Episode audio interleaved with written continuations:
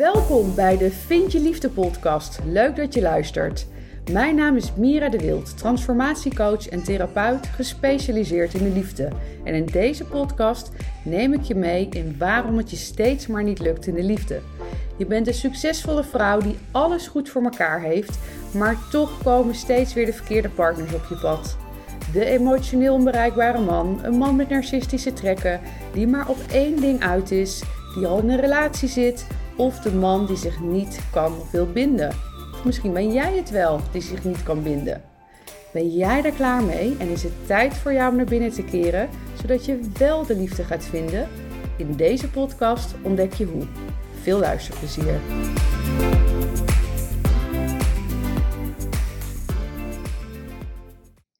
Welkom bij weer een nieuwe podcast. En in deze podcast ga ik het hebben over een lang beloofd onderwerp, namelijk de foute man. En dan ga ik me vooral richten op hoe kan het nou toch dat je zo succesvol kan zijn in, in alles wat je doet. Een glansrijke carrière hebt, misschien zelf wel een mooie onderneming op hebt gezet. En dat je toch tegen die foute mannen aan blijft lopen. Dus je bent van buitenaf een zelfstandige uh, vrouw die, die prima haar boontjes uh, in de eentje kan doppen. En ja, je oogt, je, zo oog je ook voor de buitenwereld. Maar eigenlijk wat er achter de schermen gebeurt, wat er in jouw liefdesleven gebeurt, dat zouden de meeste mensen eigenlijk niet, niet van jou verwachten. En daar zit best wel een uh, taboe op, denk ik. Daarover meer. Ik ga eerst even wat meer vertellen over wat is nou eigenlijk een foute man. Want wanneer ik deze term, om het maar even zo te noemen, gebruik, dan, nou, ik weet zeker dat de, dat, dat de meeste vrouwen die, die weten precies waar ik het over heb. Die hebben dat ook wel meegemaakt. Maar er is ook altijd een groep die zegt: Foute man, wat is nou een foute man? Want het ligt toch niet alleen aan die man? En nee, natuurlijk niet. Dat is ook helemaal zo. Maar ik, uh, omdat ik denk dat jij wel een plaatje hebt bij die foute man, ga, blijf ik het toch zo benoemen. En wat een foute man is, ik denk ook dat dat echt voor iedereen anders is. Daar is niet één begrip voor. Ik zal met je delen wat het voor mij is. Voor mij is een foute man een man die fout is voor jou. Hoeft niet per se iets van de man zelf te zeggen. Hè? Um, hoewel het wel vaak is dat dit type man er niet echt om geeft wat jouw behoeftes zijn, wat jouw gevoelens zijn. Die heeft gewoon zelf een doel en dat wil die gewoon bereiken. En ja, of daar iemand pijn gedaan wordt, uh, dat uh, is zijn zorg niet, om maar even heel bot te zeggen. Dus dat zorgt ervoor dat je, wat je weer in die ellendige liefdespijn terechtkomt. Waardoor jij weer denkt, waarom lukt het mij nou nooit eens? En waarom komen deze mannen nou altijd steeds, uh, steeds op mijn pad? En even een disclaimer tussendoor, waar ik man zeg, kun je natuurlijk ook vrouw uh, invullen.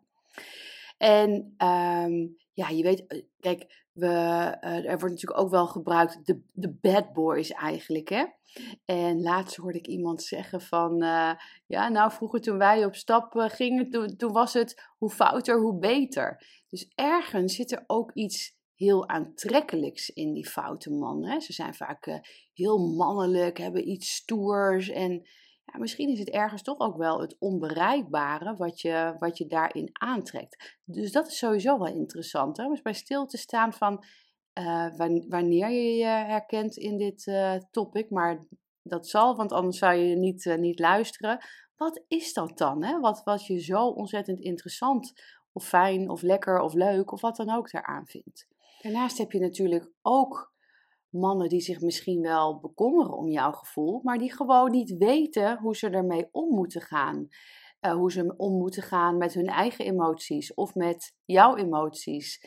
En wanneer je iets niet weet, dan kan het soms gewoon makkelijker zijn om de gemakkelijkste weg te kiezen. Dus om gewoon niks meer van je te laten horen.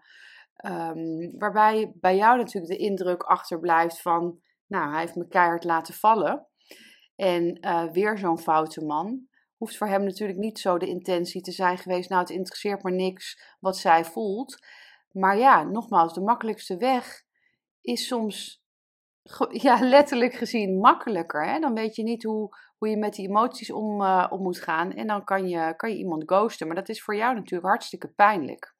Dus dan, hoor je, dan reageert hij niet meer of dan hoor je niks meer. En uh, ja, dan zit jij dus ook weer, weer met die liefdespijn. Nou, de, de essentie dus eigenlijk voor mij van, van die echte foute man is dat ze ergens de, de empathie, de, de fijngevoeligheid uh, missen om respectvol met jouw gevoelens om te kunnen gaan. Want um, kijk, iemand is natuurlijk niet verplicht om jou iets te geven wat jij wil. Maar ik denk dat je toch altijd wel met respect met iemand om kan gaan. Uh, de valkuil echter voor de vrouw die vaak op de foute man valt. Dat, dat mannen het echt wel kunnen zeggen.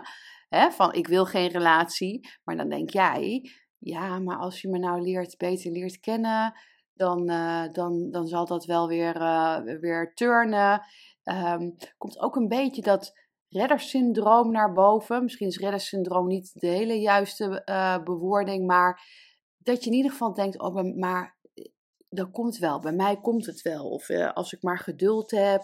En zo ga je eigenlijk ook weer, ja, hou je eigenlijk jezelf voor de gek. En dan is deze man wel eerlijk geweest, maar ben jij misschien niet helemaal eerlijk over jezelf. En dan kan het dus ook zijn dat je de man betitelt als foute man, terwijl hij wel eerlijk is. Ook weer een kanttekening bij. Want wat ik uh, veel zie ook bij, uh, bij mijn klanten, wat ik vroeger zelf ook mee heb gemaakt. Kijk, iets zeggen en iets doen, dat zijn ook nog twee verschillende dingen. Hè? Dus zo komen veel foute mannen er voor zichzelf een beetje mee weg die zeggen dan bijvoorbeeld: Ja, maar ik wil echt geen relatie. Maar vervolgens behandelen ze jou wel op een manier waarop jij het idee hebt dat je wel zijn vriendin uh, bent. En, maar omdat ze zeggen dat ze het niet wilden, um, ja, geven ze eigenlijk aan: Ja, maar ik heb het toch allemaal verteld. En ik vind dat daarin ook wel altijd heel erg belangrijk is dat wat je zegt en wat je doet in overeenstemming is. Andersom ook, hè. Kijk, als jij zegt tegen iemand: Ik hou van jou, maar je acties, die, uh, de acties zijn er niet na, ja, dan heb je niks aan woorden. Dus het is, het is, het is van, beide, van beide kanten. Either way, dit type man die op jouw pad komt, die zorgt in ieder geval niet voor je happily ever after, ever after plaatje wat je in je hoofd houdt. En Waarom lukt het jou nou niet? Waarom blijf je dit type mannen aantrekken, waardoor je dus steeds maar in dat drama terechtkomt? En ik begon er al een beetje mee. Iets wat die buitenwereld eigenlijk helemaal niet van je zou verwachten. Hè? Want je hebt het supergoed voor elkaar.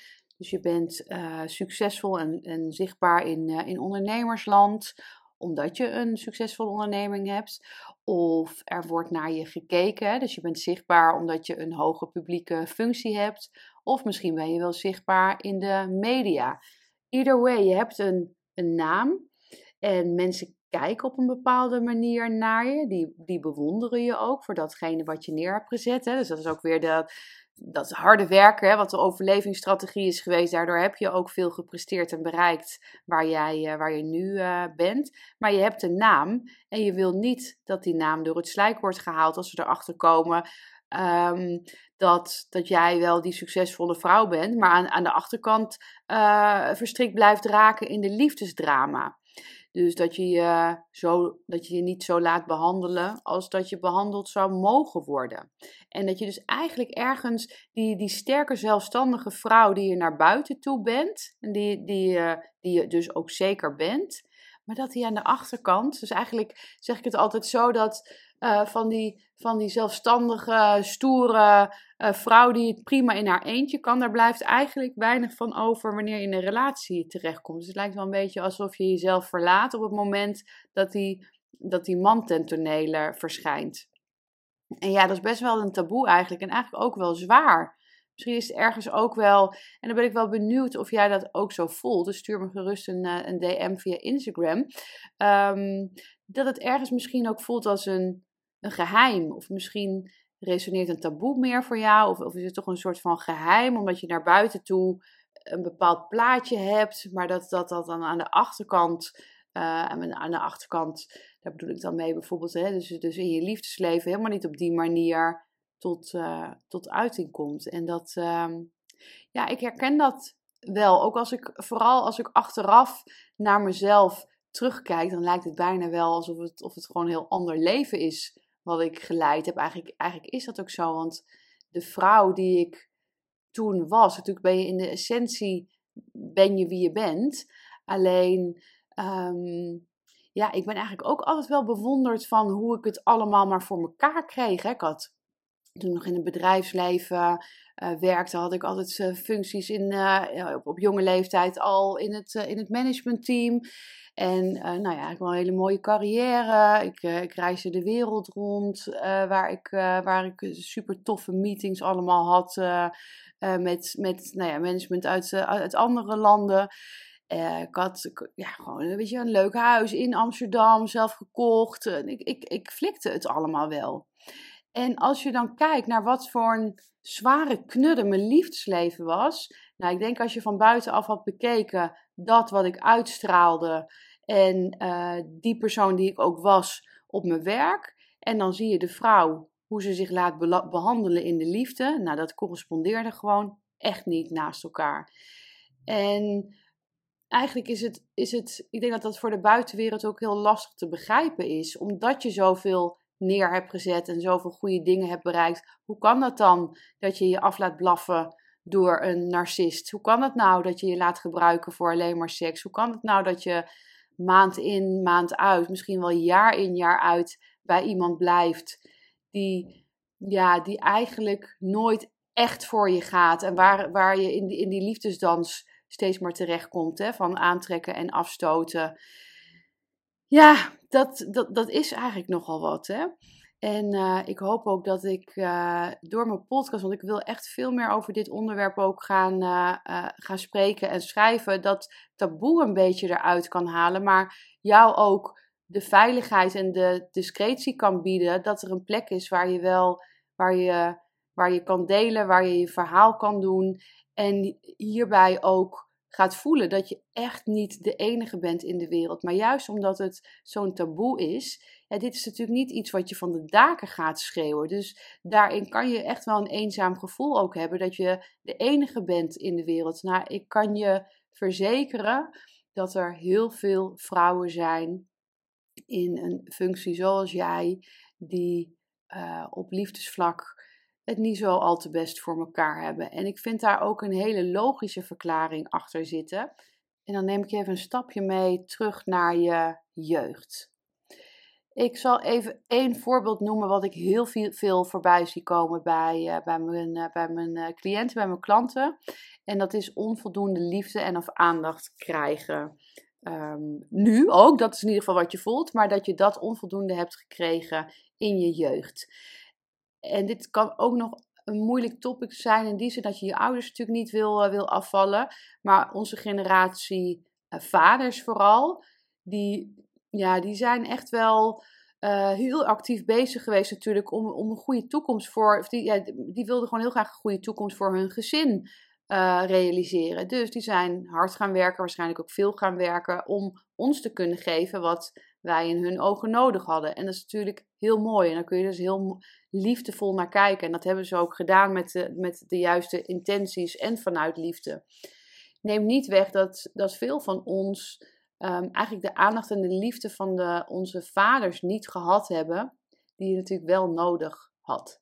Dat kan natuurlijk ook andersom zijn, hè? dat dat van, uh, van je moeder is geweest. En zo zijn er nog verschillende uh, oorzaken aan te wijzen die ik ook in mijn eerdere podcast met je, met je heb gedeeld.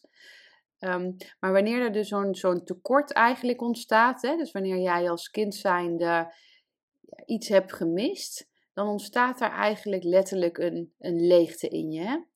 En die leegte die is niet prettig. En omdat je, die, omdat je dat als kind zijnde nog helemaal niet kan handelen, je begrijpt dat ook allemaal niet, ga je eigenlijk al de stap nemen om meer in je hoofd te gaan zitten. Neem je steeds, steeds een beetje meer afscheid van je gevoel. Omdat dat gevoel, hè, want het is eigenlijk de gevoel van afwijzing, ja, dat is zo niet fijn om te voelen. Nou, plus dat het emotionele brein van een kind natuurlijk nog niet ontwikkeld is. En wanneer je ook niet ondersteund wordt door je ouders in, je, in de emoties die je, die je voelt. Misschien omdat het niet kon, hè? omdat er uh, omdat je niet mocht huilen of omdat je niet boos mocht zijn. Of omdat ja, misschien werden er in, bij jullie ook gewoon emoties niet getoond. Of misschien voelde je jezelf niet dat je dat kon, uh, kon, kon uiten. Of was het lastig, wat, wat voor een reden dan ook. Hè? Uh, dus je schiet, je schiet in je hoofd. Maar dat gemis, dat zit er wel. En het is dan een beetje dubbel, want enerzijds, hè, dat, heb ik in mijn podcast over de imprint, je imprint van de liefde, sowieso wel echt een aanrader om, uh, om te luisteren. Ja, eigenlijk alle podcasts heeft ook allemaal met elkaar uh, te maken natuurlijk. Maar dat datgene wat je gewend bent, hè, dus jouw in, imprint van de liefde, zeg ik nou net imprint, nou imprint van de liefde, um, dat is wat je gewend bent. Dus datgene wat je later in uh, relaties Um, je, dan schiet jouw imprint als het ware, die gaat aan van datgene wat jij vroeger gewend bent. Dus heb je bijvoorbeeld een emotioneel onbereikbare vader gehad, dan kan het zomaar zijn, hè, want niks is zwart-wit, maar dat, jou, dat jij aanschiet van de emotioneel onbereikbare man, omdat dat hetgene is wat jij gewend bent.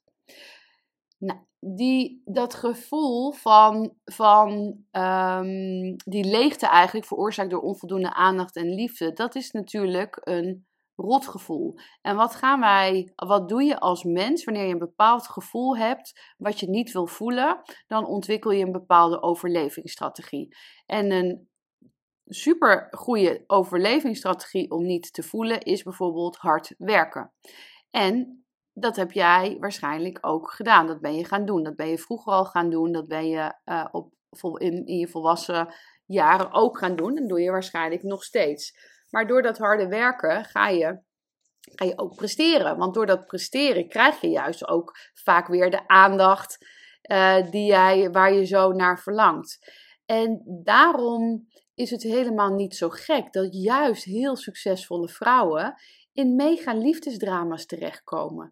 Omdat je vanuit dat jeugdtrauma, om het even zo te noemen, en ik weet dat trauma klinkt altijd heel zwaar en, en dat je zelf misschien het niet eens is zo ziet van, eh, stel je hebt wat, wat minder aandacht en liefde van je vader gehad, dat je dat niet meer meteen ziet als een trauma. En uiteindelijk gaat het ook helemaal niet om om het uh, beestje bij de naam te noemen. Het gaat er vooral om dat jij gaat herkennen, maar ook erkennen dat er ergens iets is wat je anders had willen zien. En om het kleine meisje die jij was, en die natuurlijk nog steeds deel van jou uitmaakt, om, om dat te gaan erkennen. Want dat is echt zo'n belangrijk proces in de heling hiervan. Want anders blijf je echt tegen die liefdesdrama's uh, aanlopen. Um, dus dat, dus dat, dat harde werken en presteren, dat is dus je overlevingsstrategie. Daardoor heb je vaak ook gekregen ja, wat, wat ergens ook wel fijn was. Hè? Dus, dus wel, die, uh, wel die aandacht. En ja, het heeft je natuurlijk ook echt wel flink wat opgeleverd. Want daardoor heb je die succesvolle onderneming of die topfunctie uh, of, of een functie in de, in de media. Maar dan begrijp je dus ook dat vrouwen zoals jij. Uh, ja, dat het, dat het, het is natuurlijk niet een uh, Facebookgroep van duizenden mensen die even openlijk dit soort dingen gaan delen. Ehm, en nu heb ik zelf wel ook een, een, een Facebookgroep van liefdespijn naar gelukkig zijn, waar, waar, uh, waar vrouwen in zitten die in dit patroon uh, zitten. Dus ik wil daarmee zeker niet zeggen dat, um, dat daar niet gedeeld wordt. Alleen wanneer jij, een, wanneer jij als vrouw heel succesvol bent, dan zit daar gewoon een groter taboe op. En dan deel je dat gewoon wat minder snel. Dat is in ieder geval wat ik uh, zie gebeuren. Maar je wil het natuurlijk heel graag anders, want je weet dat je het alleen kan. Je wil het alleen niet meer alleen.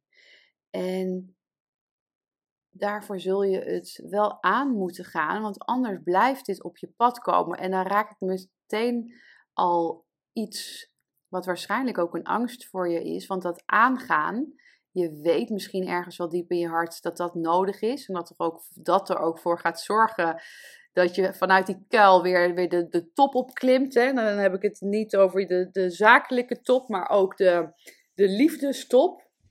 Alleen wanneer jij bepaalde dingen hebt opgebouwd, dan ben je natuurlijk bang dat als je dat aangaat, dat je, ja, kan ik dat wel aan? Val ik dadelijk, uh, val ik niet om? En ik, ik moet toch wel, uh, ja, ik heb de verantwoordelijkheid voor mijn, voor mijn bedrijf en voor mijn inkomen. En misschien voed je ook wel zelf een kind op en heb je daar nog de verantwoordelijkheid voor. Ik kan je één ding vertellen, dat de angst om om te vallen, die is inderdaad terecht. Maar die is vooral terecht als je zo doorgaat zoals je nu doorgaat. En juist, de, kijk, de angst voor wat gaat komen is vaak, uh, vaak groter dan datgene wat gaat komen. Want wanneer je het aangaat en je doet dat onder uh, goede begeleiding, die ik je natuurlijk aanbied, dan ga je er juist doorheen en kun je weer opkrabbelen, om het zo maar te zeggen. Hè?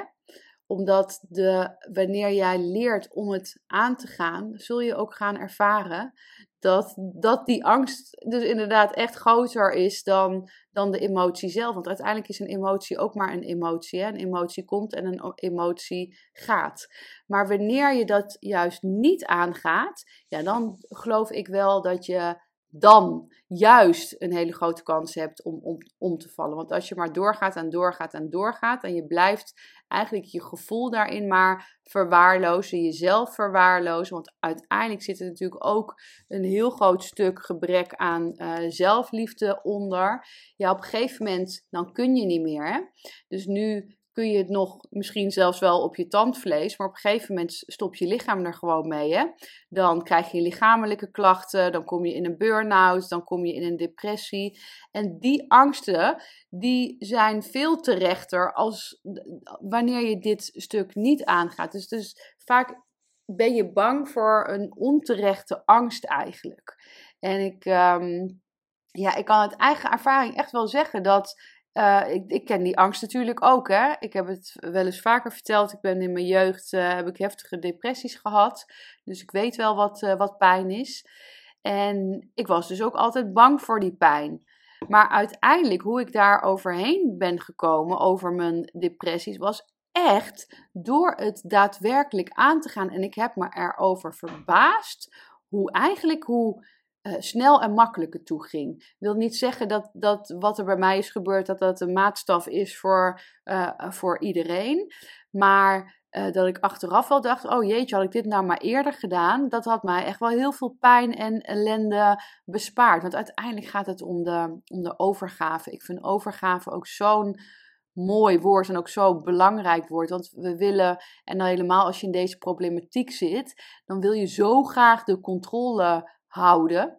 Um, wat sowieso natuurlijk niet, uh, niet altijd even realistisch is.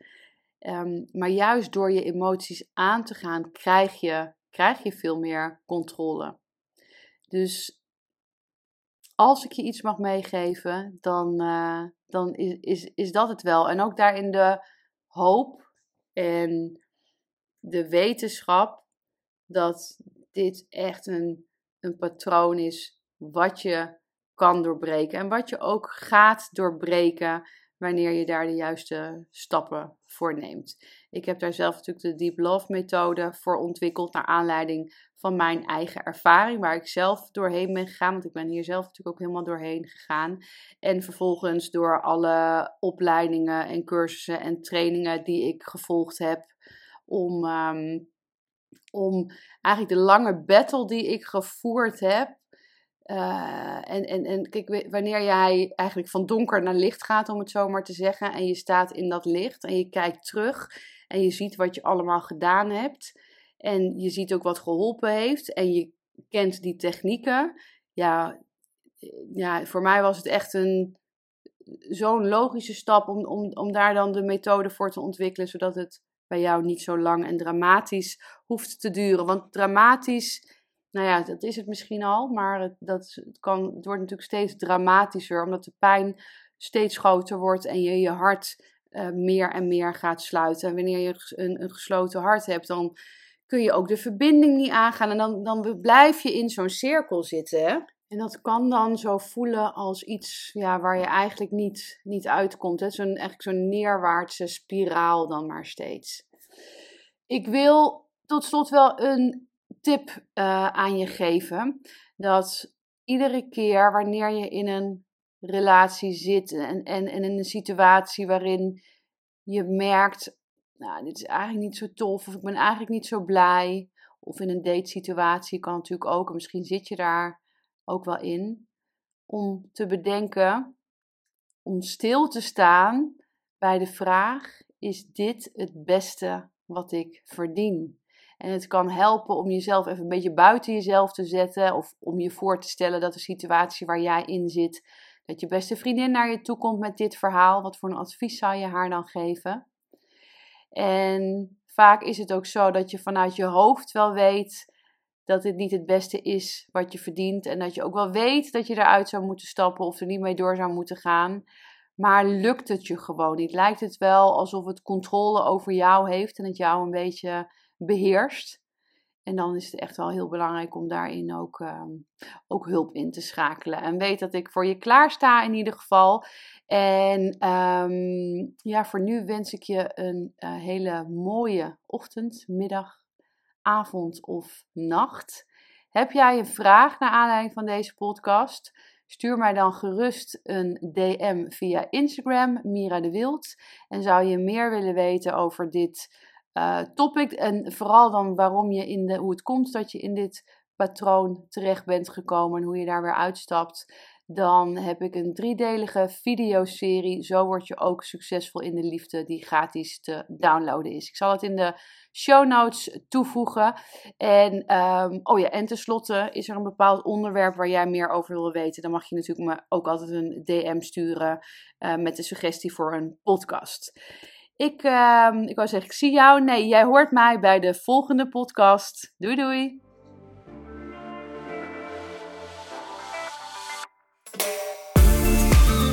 Hey, hier ben ik nog even. Herken jij je ook in de vrouwen die ik persoonlijk begeleid in hun transformatieproces? Dan heb jij het vast ook supergoed voor elkaar in je leven, maar wil het in de liefde maar niet lukken. Je bent zo langzamerhand wel klaar met de liefdesdrama's en de verkeerde partners die je aan lijkt te blijven trekken. Ik snap dit helemaal. Spreek het je aan om de liefde, warmte en genegenheid niet langer te zoeken buiten jezelf, maar in jezelf? En wil je succesvol zijn op alle gebieden in je leven, dus ook in de liefde? Wil je dat ik met je meedenk over de stappen die je hiervoor mag gaan zetten? Vraag dan een vrijblijvend gesprek met me aan via www.miradewild.nl/gesprek. Tot snel!